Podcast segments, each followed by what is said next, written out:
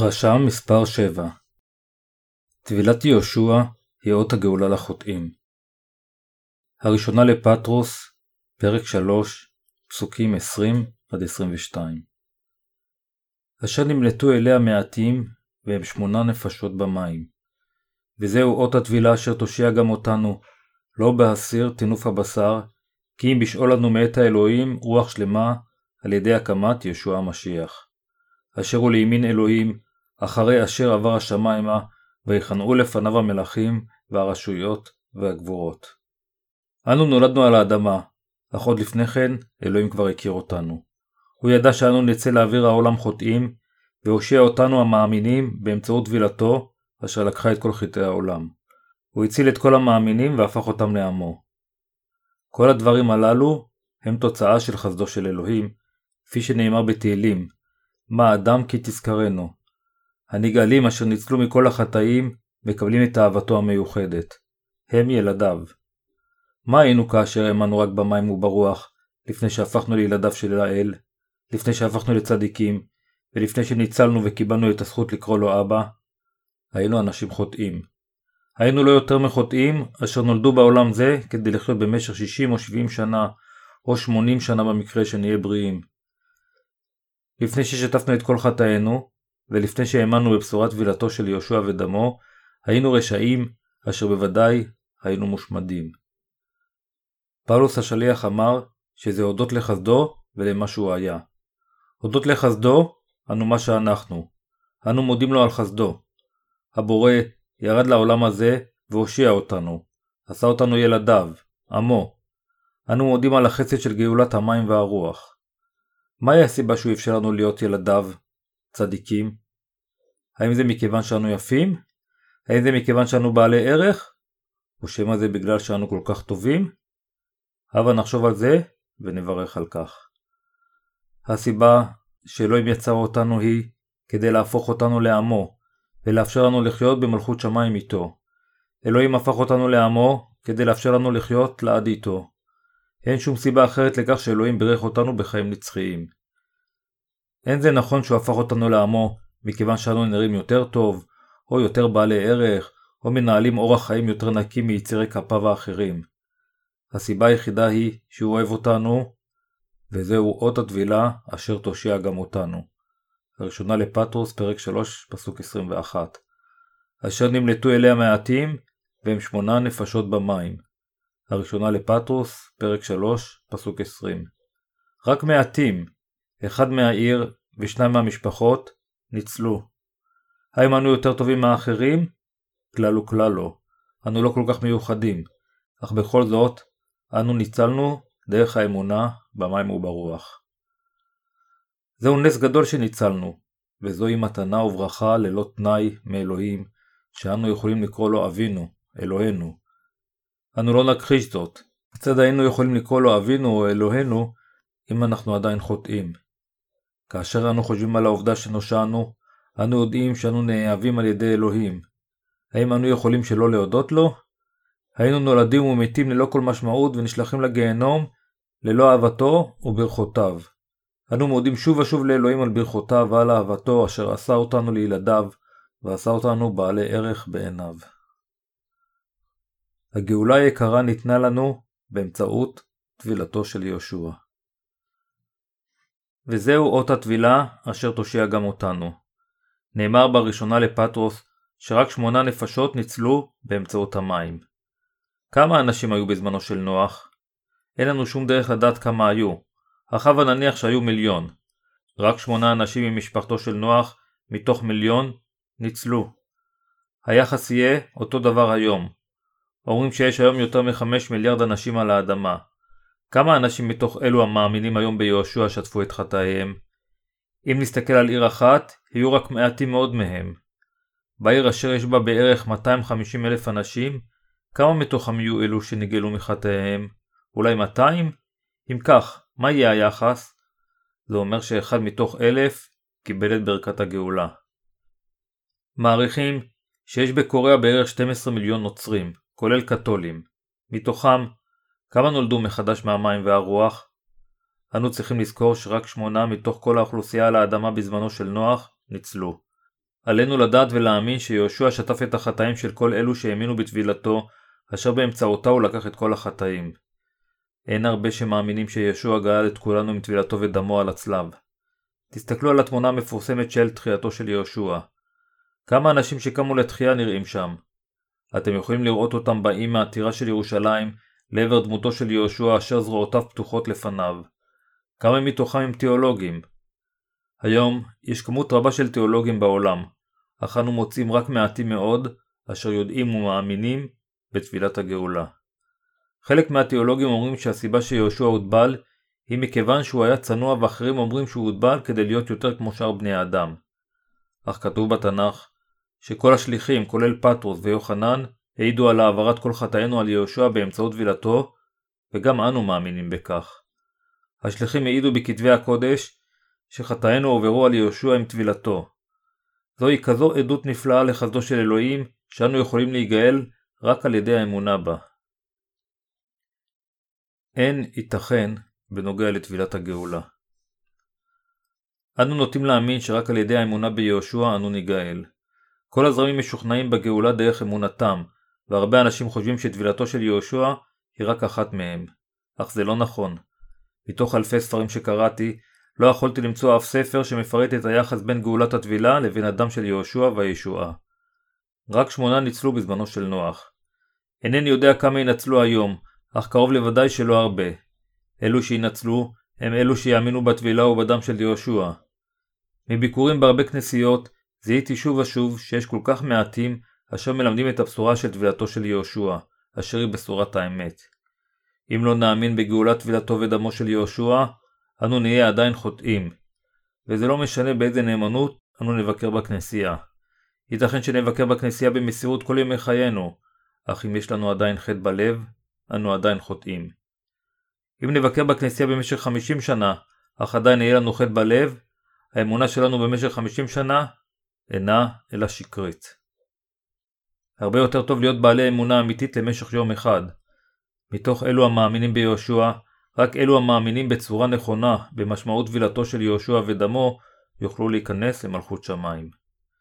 אמונה אמיתית היא אמונה בעובדה שבן האלוהים ירד לעולם הזה, והוטבל כדי לקחת את כל חטאי העולם. זוהי האמונה שתוביל אותנו למלכות שמיים. אנו צריכים גם להאמין שיהושע דימים על הצלב למענכם ולמעני. אנו צריכים לדעת זאת גם על מנת להודות לו. מי אנחנו? אנו בני האדם שהוא הציל אותנו עם טבילתו ודמו. כיצד אנו יכולים שלא להודות לו? יהושע הוטבל בנהר הירדן כשהוא היה בן שלושים כדי להציל אותנו. על ידי כך הוא לקח את כל חטאינו וקיבל את גזר הדין במקומנו על הצלב. כאשר אנו חושבים על כך, איננו יכולים שלא להודות לו בענווה. עלינו לדעת שכל מה שיהושע עשה בעולם הזה היה למען ישועתנו.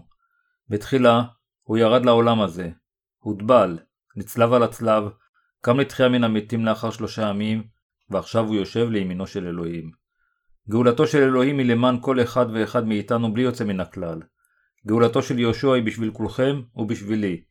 אנו מהללים את אלוהים על אהבתו וברכותיו. אנו מכירים שיר כנסייתי שהולך כך: יש סיפור נפלא, מתוך כל האנשים בעולם, אני הוא האחד אשר יש לו את אהבתו וגאולתו. כמה נפלאה אהבתו, אהבתו אליי, אהבתו אליי. ישנו סיפור נפלא. מתוך כל כך הרבה אנשים בעולם, אנו אלו שנושענו, אשר הפכנו לעמו. אנו לובשים את אהבתו, אהבתו של אלוהים, חסדו של אלוהים. כמה נפלאה אהבתו היא, אהבתו אליי. יהושע ירד להושיע אתכם ואותי, והגאולה של טבילתו היא גם למענכם ולמעני. הבשורה היא לא איזושהי מעשייה, היא האמת אשר מרוממת אותנו מעל חיי עבודת הפרח שלנו אל ממלכתו היפה של אלוהים. האמונה היא הקשר בין אלוהים לביניכם. הוא ירד לעולם הזה על מנת להושיענו. הוא הוטבל וקיבל את הדין על הצלב כדי לשטוף את כל חטאינו. איזו ברכה היא כאשר המאמינים יכולים לקרוא לאלוהים, אבינו.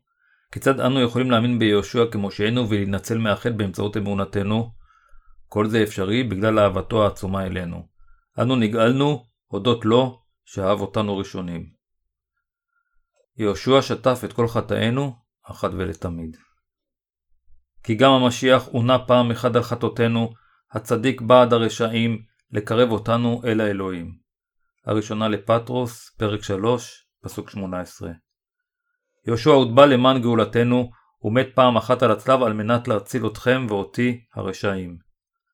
כדי להוריד את הצורך שנעמוד בפני אלוהים למשפט, הוא מת פעם אחת בעולם הזה. על מנת שנוכל לחיות במלכות השמיים לפני האלוהים, הוא ירד לעולם הזה בשר ודם, ושטף לגמרי את כל חטאינו אחת ולתמיד עם טבילתו, מותו על הצלב ותחייתו מן המתים. האם אתם מאמינים שיהושע המשיח הושיע אותנו מטבילתו ודמו? אם אתם לא מאמינים בבשורת טבילתו ודמו, לא תוכלו להיגאל. מכיוון שאנו כל כך חלשים, איננו יכולים להיוולד מחדש אם לא נאמין שיהושע שטף לגמרי את כל חטאינו, אחת ולתמיד, עם טבילתו ודמו. הוא הוטבל כדי לקחת את כל חטאינו, ונשפט למעננו על הצלב אחת ולתמיד. יהושע שטף את כל החטאים של החוטאים אחת ולתמיד, עם הגאולה של טבילתו ודמו. זה יהיה בלתי אפשרי בשבילנו בני האדם להיגאל, אם נצטרך לחזור בתשובה כל פעם שנחטא, להיות טובים ונדיבים כל הזמן, ולתת דברים לכנסייה. לכן, האמונה בטבילתו של יהושע ובדם על הצלב, היא הכרחית לגאולתנו. אנו חייבים להאמין במים ובדם. איננו יכולים פשוט לעשות מעשים טובים על מנת להיגאל. אין שום מעשה טוב בלקנות חליפה לעני, או לתת אוכל טעים לכמרים. ישוע מציל רק את אלו המאמינים בטבילתו ודמו. אם נאמין שאלוהים הושיע אותנו באמצעות ישוע עם טבילתו ודמו פעם אחת ולתמיד, אנו ננצל. ייתכן שיהיו כאלה שיחשבו שאף על פי שאלוהים אמר כן בתנ"ך, הם צריכים לחשוב על זה שוב, שיעשו כרצונם, אך עלינו להאמין בדבריו כפי שהם כתובים. באל העברים, פרק 10, פסוקים 1-10, כתוב שהוא הציל את כולנו אחת ולתמיד. זה נכון שאלוהים הציל אותנו המאמינים בטבילתו ודמו של יהושע אחת ולתמיד. אנו גם חייבים להאמין בכך. הוא מת פעם אחת, הושע אותנו אחת ולתמיד. אחים, האמינו ותגאלו, העמיסו את מסעיכם תחת טבילתו של יהושע. יהושע הציל אותנו מכל הרשעויות והחטאים פעם אחת ולתמיד, על ידי שהוטבל פעם אחת ודימם פעם אחת. הצדיק בעד הרשעים, הראשונה לפטרוס, פרק 3 פסוק 18. יהושע הוא האלוהים ללא חטא שמעולם לא חטא. הוא ירד אלינו בגוף אדם כדי להושיע את בני האדם מחטאיהם. הוא הוטבל ולקח את כל החטאים של הרשעים. הוא הציל אותנו מהחטאים ומהעוונות.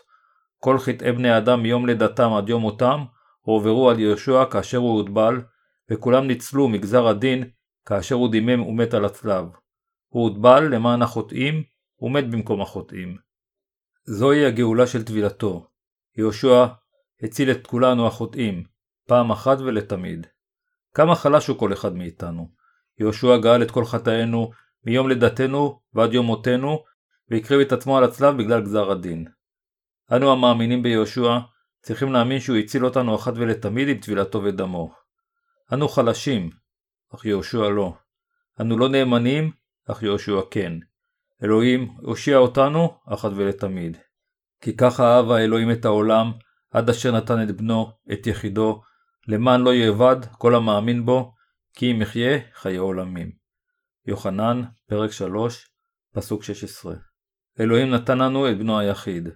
בנו הוטבל על מנת להעביר את כל חטאי העולם עליו, כך שהוא ייקח על עצמו את הדין למען כל בני האדם. כמה נפלאה גאולה זו, איזו אהבה נפלאה זו. אנו מודים לאלוהים על אהבתו ועל גאולתו. אלוהים מושיע את אלו המאמינים במים ובדם של ישוע, בטבילתו של ישוע ובעובדה שישוע הוא בן האלוהים. לכן, אלו המאמינים ביהושע יכולים להינצל על ידי האמונה באמיתות טבילתו של יהושע ובדמו, ויחיו חיי נצח כצדיקים. על כולנו להאמין בזה. מי הושיע אותנו? האם זה היה אלוהים שהושיע אותנו, או אחד מברואיו הציל אותנו? זה היה יהושע אשר הוא האלוהים שהושיע אותנו. אנו נושענו מכיוון שהאמנו בגאולתו של אלוהים, וזוהי ההצלה של הגאולה. ישוע הוא אלוהי הישועה. ישוע המשיח הוא האלוהים. המשמעות של יהושע היא המושיע, והמשמעות של משיח היא אחד שנמשך. כפי ששמואל משך את שאול בברית הישנה, מלכים נמשכו, כהנים נמשכו, וגם נביאים בשביל לתפקד כנביאים היו צריכים גם להימשך. יהושע בא לעולם הזה ונמשך לשלושה תפקידים כהן, מלך ונביא. ככהן הגדול של השמיים הוא הוטבל כדי לקחת את כל חטאי האדם על עצמו במקום כל הברואים. כשהוא מציית לאביו הוא הציע את עצמו כקורבן החטא לפניו. אנוכי הדרך והאמת והחיים, לא יבוא איש אל האב בלתי על ידי. יהושע הציל את אלו מאיתנו המאמינים בו שלקח את כל חטאינו באמצעות טבילתו ועל ידי צליבתו. כי נפש הבשר בדם הוא. ויקרא, פרק 17, פסוק 11. יהושע דימם על הצלב לאחר שהוא הוטבל, וכך הקריב את חייו לפני אלוהים כתשלום על חטאינו, כך שאנו המאמינים נוכל להינצל. הוא קם לתחייה שלושה ימים לאחר שהוא מת על הצלב, ולימד את הגאולה לנשמות הכלואות בכלא. אלו שעדיין לא נגאלו, הם כמו אסירים רוחניים שכלואים בבית כלא של החטא. אותם ישוע לימד את בשורת האמת, בשורת המים והדם. אלוהים נתן לנו את בשורת המים והרוח כדי לגאולנו. כל אחד שמאמין בה, הוא נולד מחדש. הטבילה והדם של יהושע הצילו את החוטאים. יהושע המשיח הוא מושיענו. בראשונה לפטרוס, פרק 3, פסוק 21, יש עדות על כך, וזהו אות הטבילה, אשר כעת הושע גם אותנו. לא בהסיר טינוף הבשר, כי אם בשאול לנו אלוהים רוח שלמה, על ידי הקמת ישוע המשיח. מי טבילתו של יהושע הם הכרחיים לגאולת החוטאים. יהושע שטף את כל חטאי החוטאים על ידי לקיחתם על עצמו באמצעות טבילתו. האם אתם מאמינים בטבילתו של יהושע? האם אתם מאמינים שליבנו נשטף בצורה נקייה מכל חטאינו על ידי טבילתו של יהושע? ליבנו נשטף בצורה נקייה מכל החטאים, אך גופנו עדיין חוטא. מישהו שנגאל, אין פירושו שהוא לא יחטא שוב. אנו עושים חטאים, אך ליבנו נשאר נקי מחטאים בגלל אמונתנו בטבילתו של יהושע. לא לזה התכוון הפסוק, וזהו אות הטבילה אשר כעת הושע גם אותנו, לא בהסיר טינוף הבשר, כי אם בשאול לנו אלוהים רוח שלמה, על ידי הקמת יהושע המשיח. הראשונה לפטרוס, פרק 3, פסוק 21. מכיוון שיהושע שטף את כל חטאיי, ומכיוון שאלוהים קיבל את הדין למעני, כיצד אני יכול שלא להאמין בו, כשאני יודע שיהושע שהוא האלוהים הציל אותי באמצעות טבילתו ודמו, כיצד אני יכול שלא להאמין בו? אנו ניצלנו על ידי אלוהים, ועכשיו מצפוננו נקי. איננו יכולים להגיד יותר לפני אלוהים שיהושע לא שטף את כל חטאינו, מכיוון שאז נגיד שיהושע לא אוהב אותנו. המצפון שלנו הוא רגיש מאוד, והוא אומר לנו כל פעם שאנו נוהגים שלא כשורה. אם מצפוננו מוטרד אפילו קצת, איננו יכולים להיות משוחררים לגמרי מהחטא, מבלי שנאמין בטבילתו של יהושע. זוהי הדרך היחידה שאנו יכולים להיות בעלי מצפון טוב. כאשר מצפוננו מטריד אותנו, זה מראה שמשהו לא כשורה. מטבילתו של יהושע ניקו את כל הלכלוך של החטא. יהושע לקח את כל חטאינו עם טבילתו וניקה אותנו. כאשר אנו באמת נאמין בכך, מצפוננו יוכל גם להיות באמת נקי. כיצד מצפוננו יכול להיות נקי? על ידי האמונה בטבילה ובדם של יהושע. לכל אחד, מיום לידתו יש מצפון רע ומכוער, אך אנו מאמינים שכל חטאינו עוברו על יהושע. אנו יכולים לנקות את הכתם הזה. זוהי האמונה של הנולדים מחדש. זה לא משהו שאתם מודים בו ביודעין. האם מצפונכם נקי? האם הוא נקי בגלל שחייתם חיים טובים? או האם הוא נקי בגלל שכל חטאיכם הועברו על יהושע ואתם מאמינים בו? רק באמצעות אמונה זו תוכלו להשיג מצפון נקי. יש מילים עם חיים ומילים ללא חיים. כיצד מצפונם של כל האנשים יכול להיות נקי? הדרך היחידה שאנו יכולים להיות צדיקים ובעלי מצפון נקי היא להאמין בגאולה מושלמת באמצעות יהושע. כאשר אנו מתקדשים על ידי האמונה בטבילתו, אין הכוונה לסילוק הלכלוך של הגוף, אלא למצפון טוב לפני האלוהים. בשביל זה הוא בא, הוטבל, מת על הצלב, וקם לתחייה מן המתים, ועכשיו הוא יושב לימינו של אלוהים. בבוא הזמן, הוא יבוא לעולם הזה שוב, ופעם שנית יראה בלי חטא לישועה למחכים לו. אל העבריים, פרק 9, פסוק 28. אנו מאמינים שהוא יבוא לקחת אותנו, המחכים לו בהשתוקקות, המאמינים בטבילתו ובדמו. ניסוי קליני של אמונה באופן לא צפוי, ערכנו ניסוי קליני בכנסייה שלנו בדז'ון. כומר פאק מכנסיית דז'ון הסביר לזוג שאין חטאים בעולם, אך נכשל בהעברת משמעותה של טבילת יהושע. כאשר הבעל ביקר בכנסיות אחרות, הוא נהג להירדם באמצע הדרשות, כיוון שכל הכמרים לימדו את הבשורה תוך כדי שהם משמיטים את הגאולה באמצעות טבילתו של יהושע, וכך הכריחו אותו לחזור בתשובה כל יום. אך כאן, בכנסיית דז'ון, מכיוון שנאמר לו שכל חטאיו הועברו על יהושע, הוא האזין לדרשות עם עיניים פקוחות לרווחה. זה הקל על אשתו לשכנעו לבוא איתה לכנסייה. יום אחד, הוא ישב בכנסייה ושמע את אל הרומים, פרק 8, פסוק 1. על כן אין אשמה באלה אשר הם במשיח ישוע. מיד הוא חשב, אה, ah, אם מישהו מאמין ביהושע הוא ללא חטאים. מכיוון שאני מאמין ביהושע, גם אני ללא חטאים. לכן הוא טלפן לגיסו ולרבים מחבריו אחד אחרי השני ואמר, האם יש לך חטאים בלבך? אם כן, אמונתך לא נכונה. באותה נקודה, כומר פארק היה עובד עצות. הבעל לא ידע על טבילתו של יהושע, אך הוא עמד בתוקף על כך שהוא ללא חטאים עכשיו. לזוג התחילו להיות בעיות. אשתו הייתה יותר מאמינה, אך עדיין היה לה חטא בלב, בעוד הבעל טען שהוא ללא חטאים.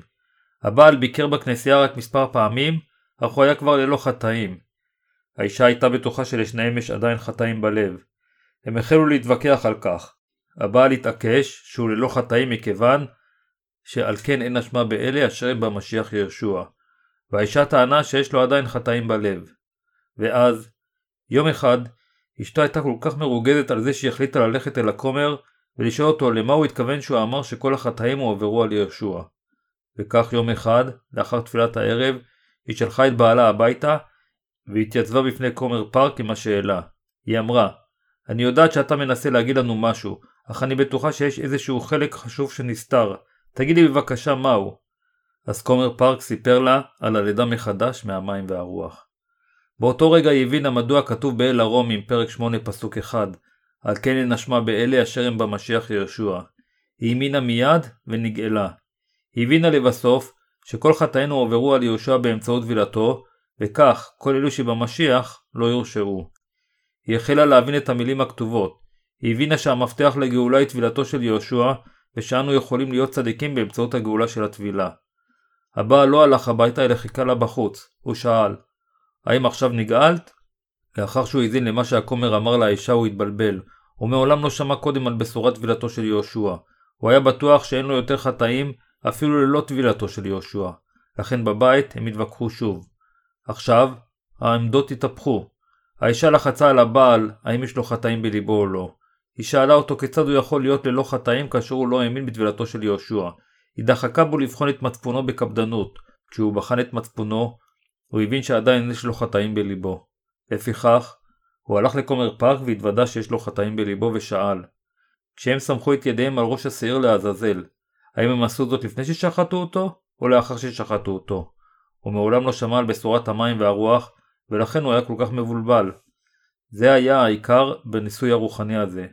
יהושע היה חייב להתאבל כדי שכל חטאי העולם יועברו עליו. רק אז הוא היה יכול למות על הצלב, מכיוון ששכר החטא הוא מוות. האם הם סמכו את ידיהם על ראש הקורבן לפני או אחרי שהם שחטו אותו? הוא שאל זאת, מכיוון שהוא היה מבולבל בנוגע לשמיכת הידיים ולטבילתו של יהושע. לכן כומר פארק הסביר לו את גאולת טבילתו של יהושע. באותו יום, הבעל שמע בפעם הראשונה את בשורת המים והרוח ונגאל. הוא שמע את הבשורה רק פעם אחת ונגאל. זה היה הניסוי על השמטת טבילתו של יהושע. ייתכן שנגיד שאין לנו חטאים, אך בוודאי שיש לנו חטאים בליבנו בלי טבילתו של יהושע.